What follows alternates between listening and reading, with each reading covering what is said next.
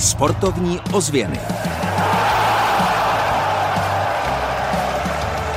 Fotbalový Rudolfov oslavil 90. narozeniny. Dynamo České Budějovice přivítalo v první lize Spartu.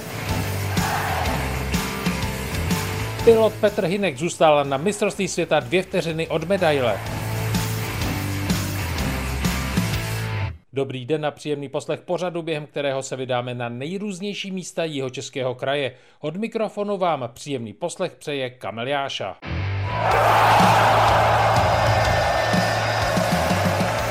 Sportovní ozvěny s Kamilem Jášou. A odstartujeme stejně tak, jako startují letadla na Hossíně. Právě tam se odehrálo mistrovství světa v ultralehkém létání. Výsledkový servis jsme vám nabídli okamžitě po skončení šampionátu. Teď přineseme spověď českobudějovického pilota Petra Hinka. Byli jsme u toho, když hodnotil svoji čtvrtou pozici. Nemohli jsme u toho chybět.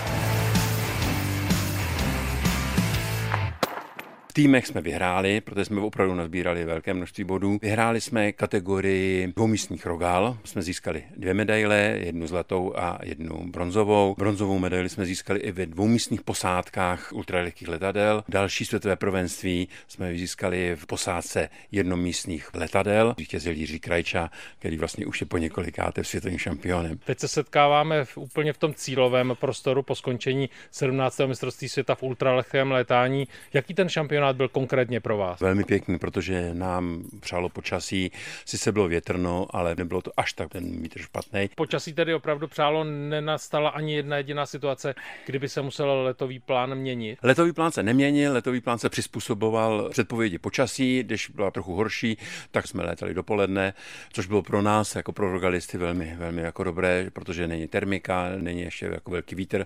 To bylo úplně, úplně na jedničku. Vy konkrétně závodíte na jednomístném rogalu. Trénink jste zvládl výborně, dokonce jste byl nejlepší ze všech.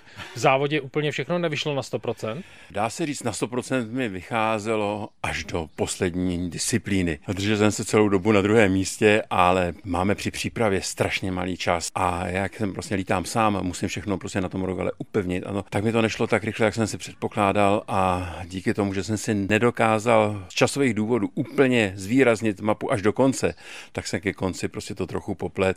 Byť jsem na cílové čáře byl v limitu dvou vteřin, to znamená na 120 kilometrové trati se mi povedlo, ale trošku jsem minul nějaké brány, no a 24 bodů mi scházelo na třetí místo. Hmm, je to tedy čtvrtá pozice, být čtvrtý na mistrovství světa přece není vůbec k zahození a je to třeba pro vás motivace do dalších závodů. Samozřejmě čtvrté místo rozhodně není špatné. Tady létají dobře všichni. Tady už je to v podstatě o výběru těch nejlepších. Člověk jako se nemůže úplně s těma nejlepšíma rovnat.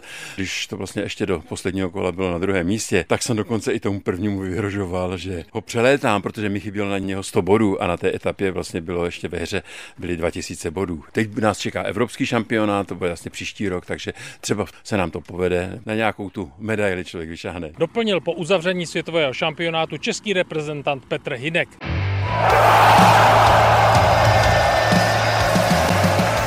Sportovní ozvěny výsledkově. Výsledkový servis začínáme fotbalem. Dynamo České Budějovice Sparta Praha v první lize 0-2, ve druhé lize Táborsko Slávia B 1-1. A ještě třetí liga, SK Dynamo České Budějovice B, Písek 0-2. Trenér hostů Milan Nousek byl po derby pochopitelně spokojenější. Určitě, určitě, protože jsme tu přípravu neměli dobrou. Možná i hruzo strašnou a jsme nevěděli vůbec, jakým směrem to jakoby dávat dál, ale něco jsme si k tomu řekli a kluci odvedli to, co jsem od nich očekával a to, co bychom chtěli. A ještě se vrátíme k sobotní oslavě 90. narozenin SK Rudolfov. Gratulaci osobně předal Rudolfovským, mistr Evropy z roku 1976 Antonín Panenka. 90 let fotbalu to je krásná doba, krásná historie. Vím, že tady hrajou krajský přebor, což si myslím, že je velmi slušná soutěž. Hlavně bych mu přál, aby na každý domácí zápas přišla aspoň takováhle návštěva. A tady je jeden hokejový výsledek z přípravy. Motor České Budějovice Salzburg 3-2. Do Budvar Areny dorazilo 2600 diváků, také k radosti PR manažera klubu Tomáše Kučery. Na léto, na první zápas je to fantastická záležitost, protože 2,5 tisíce diváků nepřijde jen tak na někoho, takže paráda. Tabulka. Tady je bilance v tabulce druhé fotbalové ligy jediného jihočeského zástupce soutěži. Silono Táborsko má po dvou kolech dva body a vzácně vyrovnané skóre 2-2.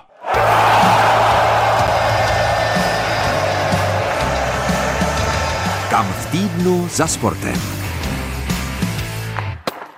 Na Lipně začne v pátek Lipno Sportfest 2022 a program je tak bohatý, že stojí za to se podívat na stránky festivalu. Já jenom doplním, že jeho ředitelkou je olympijská vítězka v běhu na lyžích Kateřina Neumanová a že my s naším reportážním mikrofonem budeme určitě přímo u Lipna. Od mikrofonu vám hezké prázdniny přeje Kamil Jáša.